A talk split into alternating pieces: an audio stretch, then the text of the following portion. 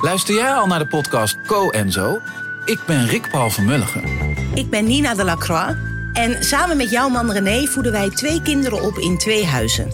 Co-ouderschap. We hebben het over alles wat je daarin tegenkomt. Maar ook over de juice tijdens onze kinderloze dagen, want die heb je ook in het co-ouderschap.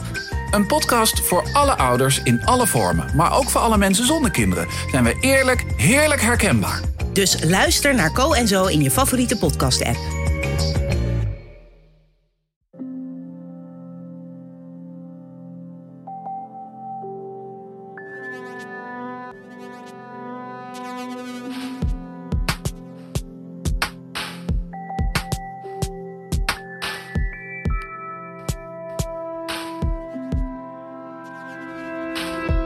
Hey, ik ben Pieter van Relaas. In Relaas vertellen mensen waar gebeurde verhalen die ze zelf hebben meegemaakt. Deze aflevering is er gekomen dankzij de steun van Jonas Blom.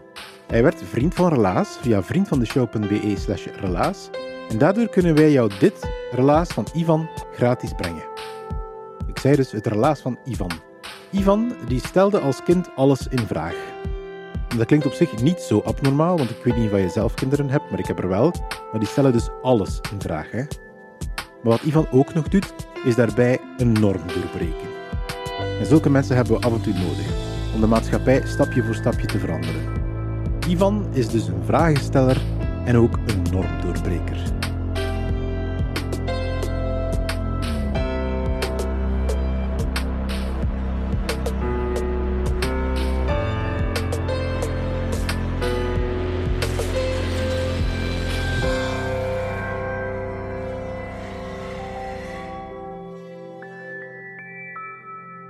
Hier sta ik dan, uh, goed 60 jaar. En ik denk dat het zo'n 40 jaar geleden moet geweest zijn dat ik, toen dan mijn partner naar haar werk vertrokken was en nogal zich had moeten haasten en nog wat kleren had laten rondslingeren, dat ik voor de eerste keer zo een rok van mijn partner aandeed. Ik had daar gewoon zin in om dat te doen. En ik herinnerde mij nog altijd goed, nu nog, dat ik toen ook wist van, tja, ik had dat gevoel eigenlijk al van als ik heel, heel, heel klein was. En ik weet niet goed waarom, maar ik weet wel dat ik altijd een gevoel had heb dat dat abnormaal was. Omdat ik dat ooit een keer moet gezegd hebben thuis. Van, allez, ik, ik ben eigenlijk, zal misschien zeggen, een achterkomerke. Ik ben 14 jaar na mijn broer ter wereld gekomen. Nogal onverwachts, ongepland. Ik denk dat mijn ouders een ferme brok hadden mij, want ik stelde alles in vraag. Niet alleen waarom zijn de bananen krom en zo, maar zo, waarom mogen jongens geen rok of geen kleed aandoen? Ja, omdat dat zo is. Omdat jongens een broek dragen en meisjes dragen een kleed. Je moet daar niet meer mee afkomen. En dat, denk ik, heeft zo in mij geplant dat dat abnormaal was. En ik heb dat altijd verdrongen en verdrongen, tot op dat moment dat ik zo dacht, ben toch alleen thuis. En dat doet dat aan. En dan vervalt er direct zo kou zweet en de angst van misschien komt ze terug en is iets vergeten en ziet ze hier plots zo staan. En je voelt je vrij ongemakkelijk, abnormaal, raar, ongewenst zelfs een beetje zo. Van, waarom doe ik dat nu? Maar het is sterker dan jezelf en je doet dat verder en, af en toe, uh, ja, zo in het, in het geheim. En dat heeft twee kanten zo. Hè. Enerzijds voldoet je aan een verlangen en anderzijds creëert je een zekere angst en spanning waarbij dat je niet goed voelt. En dat is altijd ambetant. Je voelt je ze niet ja, één of zo. Het is lekker van ze twee kanten aan je sleuren en dat je niet weet wat kant dat op moet. En uh, ja, dat heeft zo'n hele tijd geduurd. Tot op een bepaald moment Um, en toen was ik al gescheiden, en dat had daar niks mee te maken trouwens. Um, tot op een bepaald moment dat we met een aantal vrienden een plan aan bekokstoven waren om een kameraad een poets te bakken. Iemand die altijd zei van, mij kunnen niks wijsmaken, mij kunnen niet beliegen, ik zie dat direct. Hij had een plan gestoofd om hem een lapdance te bezorgen met zijn lief, maar die had hetzelfde postuur van mij. En ik had exact dezelfde sectie kleren van haar aangedaan. En naar gelang zij verder deed, nam ik plots haar plaats in. En op het einde van het verhaal zat hij op mijn schoot, op mijn billen te wrijven en deden we zijn blinddoek af. Dus dat was fantastisch goed geslaagd. En ben ik die avond gewoon zo blijven rondlopen. En eigenlijk kwam ik daar veel complimentjes tegen. Van, ah, ja, schone beenmaat. Ik wou dat kon wisselen met u. En, zo... En het is een madame die al een keer vlug kijkt. Zo. En, ja. um, dus ja, die avond was als voor het eerst zo dat ik mij zo een klein beetje op mijn gemak voelde daarin. En dat ik dacht van, oh, er zijn toch mensen die dat zo niet direct allez, afkeuren.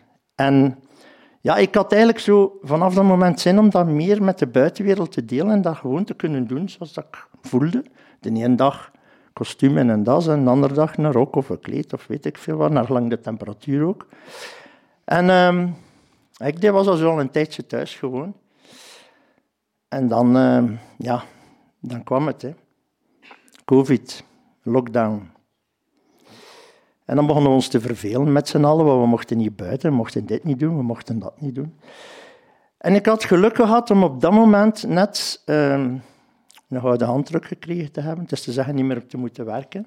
Dus ik moest ook niet telewerken, ik moest mij er allemaal geen zorgen in maken. Ik was ook gestopt met dansles geven, dus dat viel allemaal toevallig goed samen voor mij. Ik had tijd zat maar wat zou ik ermee doen? Een tweedehands piano gekocht en mijn piano leren. Jee. En dat begon alles wat te lukken. En zo af en toe zette ik zoiets op Facebook. Zo. En een andere dag maakte ik eens een grappig filmpje en ik imiteerde zo een iets van... Wat is daar met die kok, eh, die Zweedse kok, de Muppets. En ik maakte wat parodieën en zo, ik wisselde af wat piano, wat parodieën. En dan dacht ik van, waarom ik niet in een rokje terwijl ik aan het strijken ben? Zo, en ik kreeg daar toffe uh, respons op. Zo. Mensen die mij zeiden van, iedere dag ik wakker word, het eerste dat ik doe is Facebook openen en zien of het niet van nog geen, geen filmpje gepost heeft.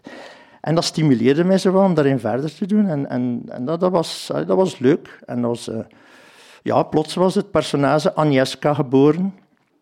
En op een bepaald moment liep ik al heel de dag in een rokje rond en zag ik ineens zo, shit, het is kwart voor acht de, de lijst ga sluiten. Ik moet nog boodschappen doen. En ik spring op mijn fiets. En het van de straat realiseer ik mij van... Oei, ik ga mijn rok aan. Fuck. Ja, maar als ik nu terugkeer, dan heb ik geen eten.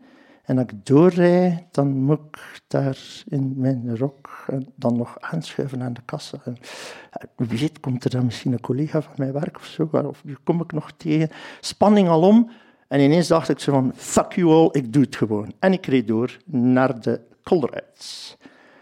En zo dicht mogelijk bij mijn kark en zo, dan ze het dan toch niet te goed zagen. En proberen zo de korte bochten te nemen en een beetje zo... Hè. Zo, het mocht gelijk wel en niet gezien worden, ik voelde mij niet op mijn gemak, maar ik had gelijk toch de moed verzameld om gewoon te doen wat ik wou doen. En uh, ja, ik ben aan het aanschuiven aan de kast en ik kijk naar rechts, een collega van mijn werk. Ah, Ivan. Ah, kom eens. Hey, hoe is het, jongen? En begint te vertellen. En die mensen reageert daar niet op. Maar ik zie hem zo wel af en toe die ogen naar beneden gaan. Zo.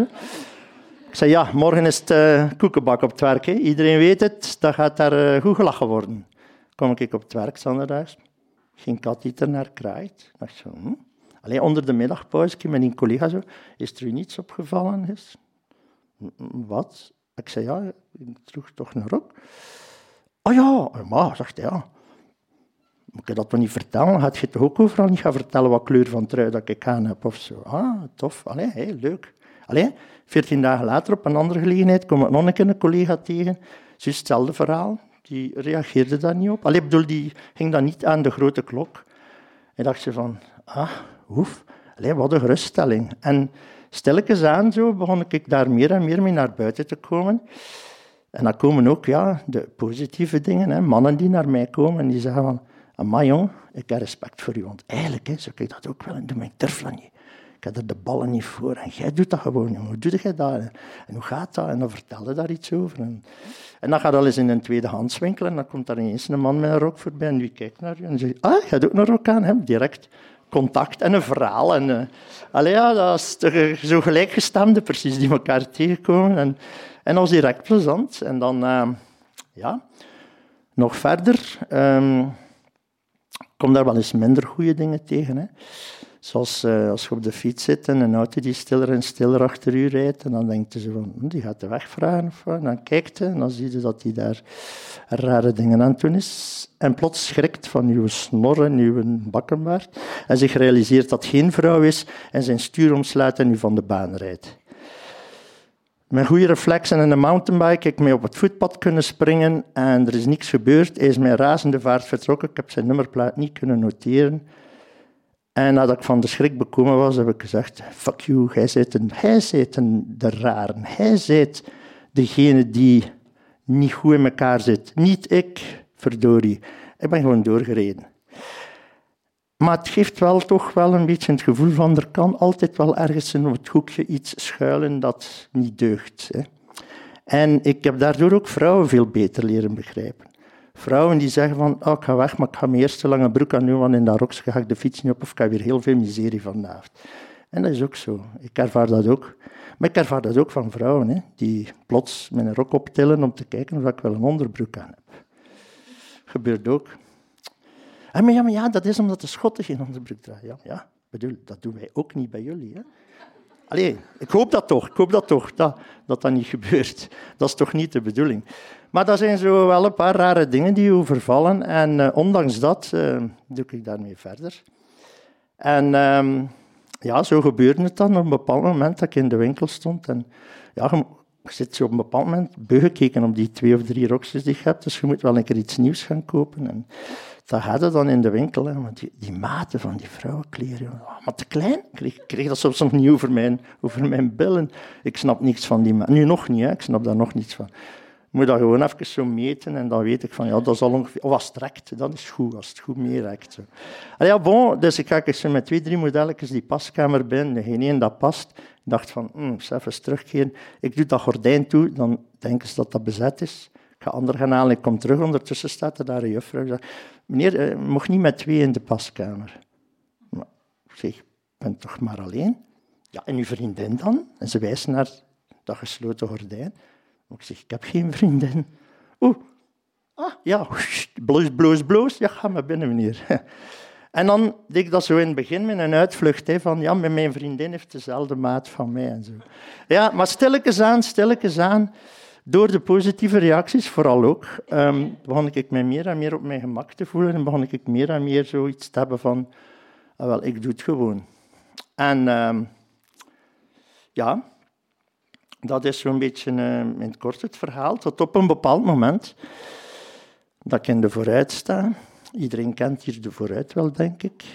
En daar beneden, die piscine, een lange rij. Vroeger was dat een heel lange rij, maar ze hebben ze nu ingekort. En moet je dus voorstellen, ik sta daar met mijn rokje van voor omhoog te plassen en dan zie je zo wat mannen blikken. En dan denk je, shit, zou ik toch niet beter bij de vrouwen gaan plassen, want dat is nu toch ook wel raar. Ja, ja. En dan is er dan een man die wat aan het treuzelen is, zo van... Hm, hm, hm. En denk je, ja, iedereen heeft voordelen. Hè. Dat heb ik zelf ook beseft, want ik had toen ook een voordeel. Ik dacht van, hm, wat gaat hij hier eh, doen of vragen? En als alle andere mannen weg waren, komt hij zo aarzelend dicht bij mij. En ik had amper gedaan met plassen als hij zo vraagt, meneer, mag ik een foto nemen van u? Ja, shit, waarom wil... Ja, ja, dat zou kunnen, maar waarom wilde je van mij een foto nemen? En wel, zegt hij, kijk, zegt hij, ik heb een zoon van elf jaar. En die draagt heel graag rokken, maar die durft dan niet meer naar school. Hij zou dat wel willen, maar hij durft dat niet. En ik zou willen tonen dat dat eigenlijk heel normaal is en dat je dat gewoon, alleen dat er nog mensen zijn die dat doen en dat dat helemaal niet zo abnormaal is. En we hebben dus uh, e-mailadres uitgewisseld en zo. En ik heb die mensen een foto laten nemen, of twee, drie misschien zelfs, ik weet het niet. En ik heb er, uh, denk ik, een maand of een maand en een half niks meer van gehoord. Tot op een bepaald moment dat ik zo'n grote e-mail kreeg En uh, daar stond onder andere in dat zijn zoon voor het eerst naar school geweest was met een rok aan en heel positieve reacties had gekregen. En dat hij uh, eigenlijk een ander mens geworden was. En dat hij mij wou bedanken.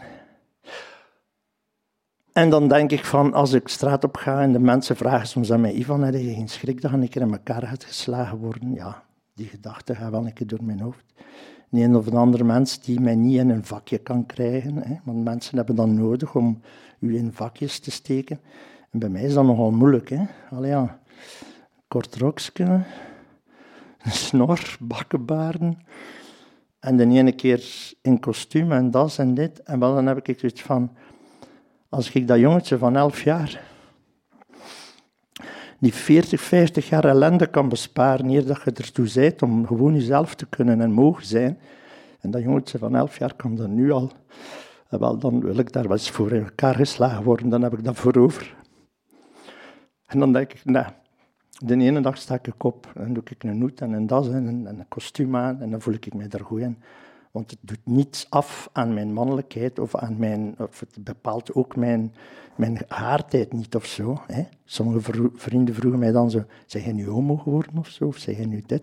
Maar ik zeg, allez, een vrouw die een lange broek draagt, vraagt je ook niet, zeg je nu voor de pot geworden? Allez, weet wel? Maar ik krijg rare vragen hoor, dat, dat, is, dat is nog helemaal niet ingeburgerd. Maar als ik dan denk van, kijk, zei dat jongetje, bespaar ik misschien 40 jaar ellende daardoor, dan is de moeite geweest dat ik gewacht heb in het toilet tot als een mens mij die foto vroeg. En dan heb ik daar misschien toch al iemand niet gelukkig.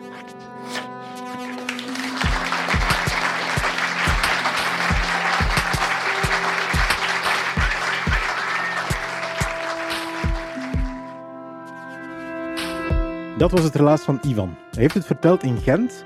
Het was in uh, november van 2022 in Huset.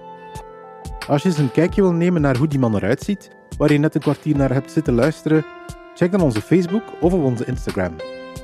De Relaas Vertelavonden worden gemaakt met de steun van de afdeling Cultuur van de stad Gent en die van de Vlaamse gemeenschap.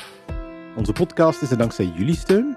Met die steun kunnen wij deze podcast gratis blijven aanbieden. En kunnen we ook af en toe onze vrijwilligers eens een workshop laten volgen of eens een teamdag organiseren. Als we willen groeien, professioneler worden, hebben wij dus jouw steun nodig. Word daarom vriend van de show op vriendvandeshow.be relaas en je krijgt van ons cadeautjes, extra afleveringen en ook een shout-out in onze volgende relaasaflevering.